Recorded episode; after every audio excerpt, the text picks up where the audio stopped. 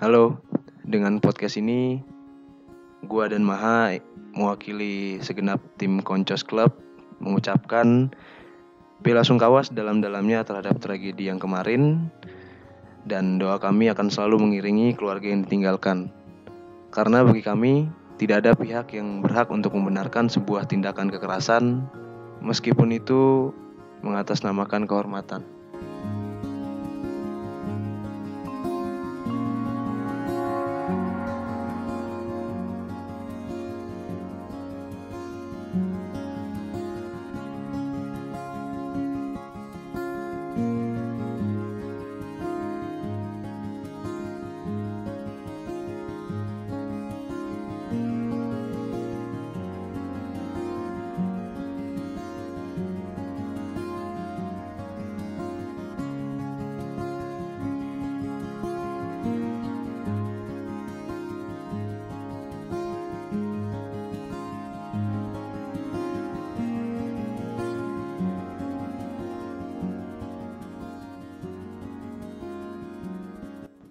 Oke.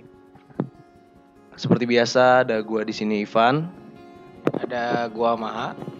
dan tentu saja kalian sedang mendengarkan podcast Sabda Koncos di sini pada edisi hari Oke, direkord hari Selasa pada tanggal 25 September 2018. Oke. Gimana kabar kalian? Baik-baik saja? Kita harap baik-baik saja ya. Betul. Kita berharap kalian mendengarkan ini dengan sehat walafiat. Sudah makan, sudah mandi, sudah bersih. Pokoknya sudah dalam keadaan sempurna karena kita bakal ngebahas sesuatu yang sedikit berbobot ya. Iya betul. Biar otak kita semakin terisi dengan nutrisi-nutrisi baik. Iya, betul. Karena tiap hari kita mengkonsumsi hal-hal yang harusnya hal-hal yang baik. Seharusnya hal-hal yang baik ya. Ya, Tidak ada hal negatif. mm, betul betul betul. Jadi di sini kita dalam rangka bukan dalam rangka sih, cuman karena kita sering ngebahas ini dari kemarin tentang tragedi sepak bola Yang baru saja terjadi beberapa hari yang lalu beberapa hari yang lalu. yang rame di sosmed, rame di IG, rame di Twitter Betul. dan sepertinya kayaknya kita nggak tahan gitu buat nggak ngomongin ini gitu ya. Betul. Hmm. Setiap gua habis dengar beritanya, eh baca beritanya, dengar dengar suara-suaranya, gua nonton videonya penuh dengan rasa kesal. Itu yang harus dimusnahkan. Gua harus cerita di podcast ini. Tapi kalau dari sudut pandang lu gimana? Sebagai lu kan ya se- seperti yang gue tahu lu kan suka ikutan supporter juga kan? Bukan supporter sih, jadi salah satu pendukung tim sepak bola lah. Ya, eh, menurut gua sih ini jadi apa ya? Ini kita langsung ke the point gini ya. To the point aja dulu. Point aja kita ya? langsung bahas eh, ke contohnya dulu aja, ntar baru kita bahas secara umum. eh kalau dari gue sih, menurut gue ini cuman oknum ya. Eh, kalau lu cinta asli dengan klub bola lu atau lu cinta dengan sesuatu yang lu cintai, lu nggak akan melakukan sesuatu yang seperti ini gitu. Gak ada kriminal, gak ada kriminalitas di dalam sportivitas tuh nggak ada menurut gua. Jadi yang kayak gini tuh ya orang-orang yang cuman kemakan sama isu-isu, Makan emosi kali ya. kemakan emosi.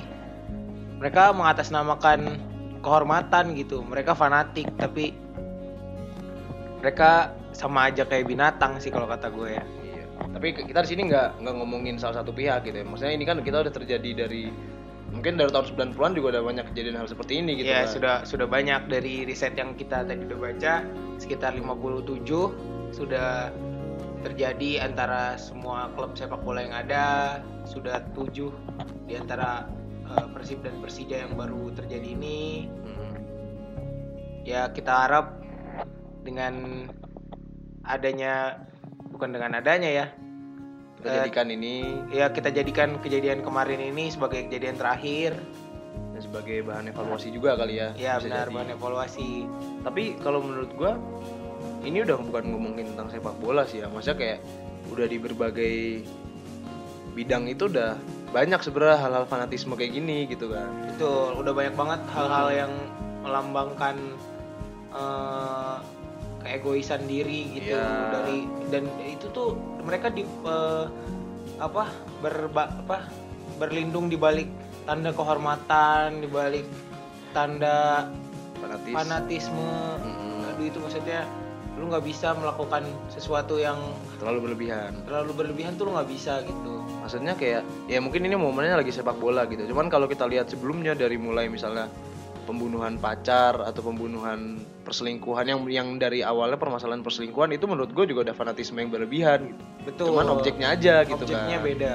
Kalau misalnya dia yang perselingkuhan lu fanatisme terhadap pacar lu terus ada orang datang orang ketiga ngancurin hubungan lu lu malah ngebunuh selingkuhannya cewek lu menurut gue itu juga udah terlalu berlebihan gitu kan. Betul. Padahal masih banyak cara lain yang bisa ditempuh buat nyelesain masalah itu gitu kan. iya. Bahkan buat agama sendiri juga banyak contoh-contoh kayak gitu. Kayak agama kemarin politik gitu. kayak kemarin lu menurut lu ada yang salah terus lu bakar vihara orang gitu.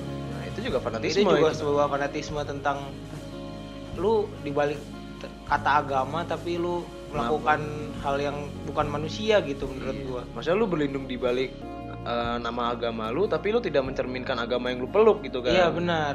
Nggak ada mungkin bukan mungkin ya nggak ada sama sekali agama kan yang yang nyuruh orang untuk melakukan suatu kekerasan kriminalitas. Iya. Siapa pun itu bukan bukan bukan hanya agama gitu. Klub sepak bola pun tidak tidak mungkin gitu seperti yang tadi kita bilang nggak ada yang bisa membenarkan tindak kekerasan gitu kan. Bahkan Iya. hukum hukum mati aja banyak kasus yang dipertimbangkan gitu kan. Maksudnya kayak itu ini diperlukan nggak sih gitu loh? Di di negara pun masih dipertimbangkan gitu kan. Kita udah ada undang-undangnya belum sih kalau hukum mati itu boleh itu boleh ya? Ada cuman, dulu kan sempat ada polemik kan? Iya, bahkan ya maksudnya tidak tidak semua orang yang melakukan kekerasan keras eh kekerasan eh kejahatan yang eh, kejam aja semua dihukum hukum mati belum tentu gitu. Ah, masih banyak pertimbangan gitu masih kan. banyak pertimbangan hukuman mati aja masih jadi suatu polemik apalagi lu tiba-tiba datang orang-orang orang orang beda per- beda, beda pendapat sama lu terus lu bunuh gitu kan nggak mungkin juga Iya, itu itu menurut gua penyakitnya tuh sebenarnya adalah sebuah fanatisme gitu dia zaman sekarang gitu ya. Apalagi udah ada banyak sosmed jadi semakin maraknya karena penyebaran di sosmed sih. iya betul Soalnya kan menurut gua banyak kejadian kayak gini yang gak keta gak expose sama media gitu kan. iya benar Nggak cuman masalah sepak bola, kayak ya bisa jadi lu politik bisa jadi kayak kejadian yang kalau maraknya sih kalau itu tahun 90-an ya kalau politik ya. Iya. sekarang kita mungkin nggak nggak se ekstrim zaman dulu, tapi kalau ngomongin fanatisme ya banyak. Ya kayak tadi percintaan aja kayak anak SD udah bisa ngebunuh orang gitu kan. Betul. Dari kalau buat politik dari tahun 98 lu beda berpendapat aja lu besok udah hilang gitu. Iya. Itu tuh bukan dari 98 dari dari dulu gitu, dari semenjak semenjak manusia ada mungkin yang menurut gue kayak gini tuh bakal ada gitu. Tapi kalau kalau dari kacamata lu nih ya, lu sebagai salah satu pendukung sepak bola juga, lu kan kayak udah di hati banget nih. ya. Iya banget. Aja. Sebenarnya fungsi bukan fungsi sih, maksudnya tujuan supporter itu ada tuh apa sih? Menurut gue eh, fungsi dari suatu supporter gitu. Lu namanya aja supporter berarti lu mendukung gitu. Hmm. lu mendukung dengan dengan banyak cara dengan lu misalnya lu penonton layar kaca lu bisa nge-tweet lu Ya. mention klub bola lu kan jadi vibe dari orang yang baca juga senang gitu Ah. lu lu datang ke stadion misalnya lu bisa bikin koreografi bisa bikin eh, apa kemarin yang baru-baru aja sering udah koreo 3- 3D gitu itu kan maksudnya itu eh, bentuk-bentuk Kreativitas. kreativitas gitu support supporter tuh mestinya Mensupport. mendukung gitu Ah. mensupport bukan melakukan hal-hal yang aneh gitu maksudnya fungsinya itu mendukung Mendukung tim Klub. bola biar menang gitu kan. benar maksudnya kalau mereka kalah ya disemangatin gitu Iya. itu fungsinya sih fungsi paling gampangnya bikin tim lu nggak menyerah gitu Iya, intinya ya logika dasarnya kan lu supporter itu kan untuk mensupport tim kesayangan lu gitu kan. benar Bukan justru malah membangun rivalitas antar supporter, harusnya gitu kan. iya benar Dan justru bagusnya positifnya yang, yang bisa kita lihat itu adalah dalam persepak bolaan itu menyatukan banyak orang gitu kan. iya semestinya Heeh. mestinya seperti itu menyatukan banyak orang eh, Orang datang walaupun dari tim musuh tim lawan bakal ketemu di satu tempat yang sama. Lu Iya, bisa ketemu, bisa menjalin silaturahmi malah kalau positifnya banget ya niatnya Betul. buat gitu ya. baru-baru ba- gua baca di Twitter ada satu eh, klub ada antar apa sama apa eh, terus yang pendukungnya tuh datang sendiri dia nggak nggak sama siapa-siapa dia ngedukung teriak-teriakan sendiri akhirnya dikasih baju sama klub yang dia dukung biar dia bisa ngedukung pakai bajunya dikasih kopi sama supporter lawannya dikasih roti. Maksudnya bentuk-bentuk seperti itu yang semestinya terjadi gitu. Iya. Dari eh, adanya supporter supporter apa pun gitu. Iya betul. Bahkan di, di di dalam semua bidang apa pun tuh kalau misal kita lihat positifnya itu pasti ada gitu kan. Benar. Di semua bidang tuh ada yang namanya supporter gitu pendukung. Bahkan kalau lu hidup aja lu ada yang dukung gitu. Ya ya cuman di sini kan yang bikin carut marut itu kan fanatismenya kan. Iya benar. Ya kalau fanatisme di bidang politik supporternya juga supporter politik kan banyak kan. Iya. Bahkan kemarin ada kasus yang di Bundaran HI yang lagi CFD itu menurut gue juga oh, itu juga menurut gue fanatisme terlalu berlebihan gitu. Iya betul. Apalagi yang di yang diserang tuh ibu-ibu dan anak-anak. Maksudnya fanatisme lu eh, maksudnya se- segitunya kah gitu fanatisme lu bisa melawan kemanusiaan diri lu gitu. Iya. Kan nggak mungkin gitu nggak kayak nggak fanatisme di atas apa pun gitu Iya, nggak mungkin anjir, nggak bisa kayak gitu tuh. Kemanusiaan di atas apa pun. ya intinya bukan intinya lah. Ya kita di sini jadinya geram juga gitu kan. Iya benar. dipicu sama hal seperti itu kita yang lihat juga "Wah, ini apaan sih? Gitu jadinya. Ya ini tuh kayak ya kita di sini di podcast ini menumpahkan segala curahan hati kita. curahan hati atas kekesalan yang terjadi di eh, kejadian kemarin gitu. dan kalau ngomongin sepak bola juga udah berapa sih korbannya tuh dari dulu tuh? Gue sempat baca di beberapa media. Di nih gue buka ya. Dari tahun 2014 itu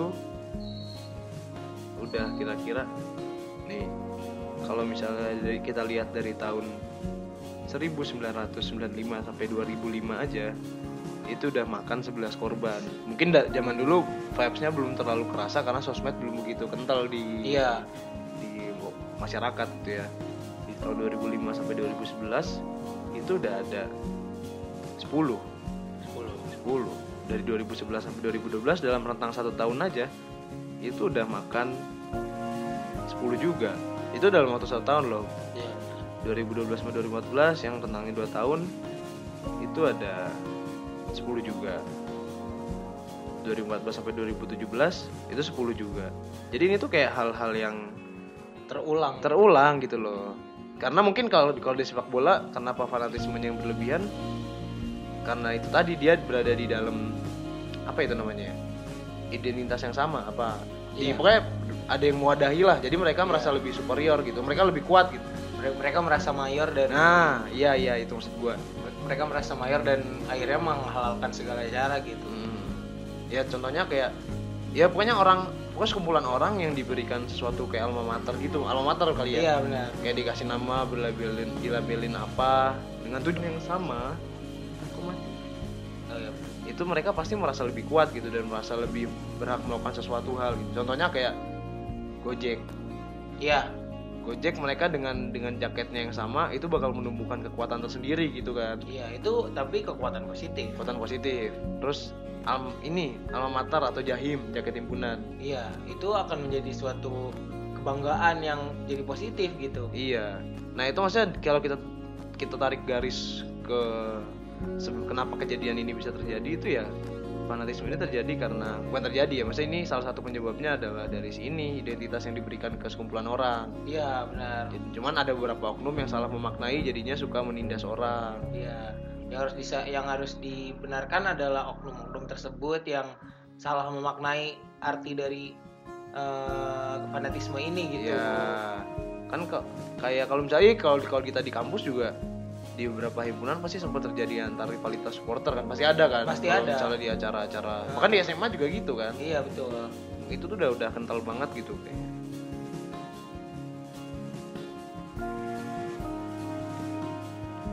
lima detik gitu ah kalau Ya. menurut gua sih itu Benar benar benar benar. Dan eh, yang kayak gitu tuh yang semestinya nggak boleh.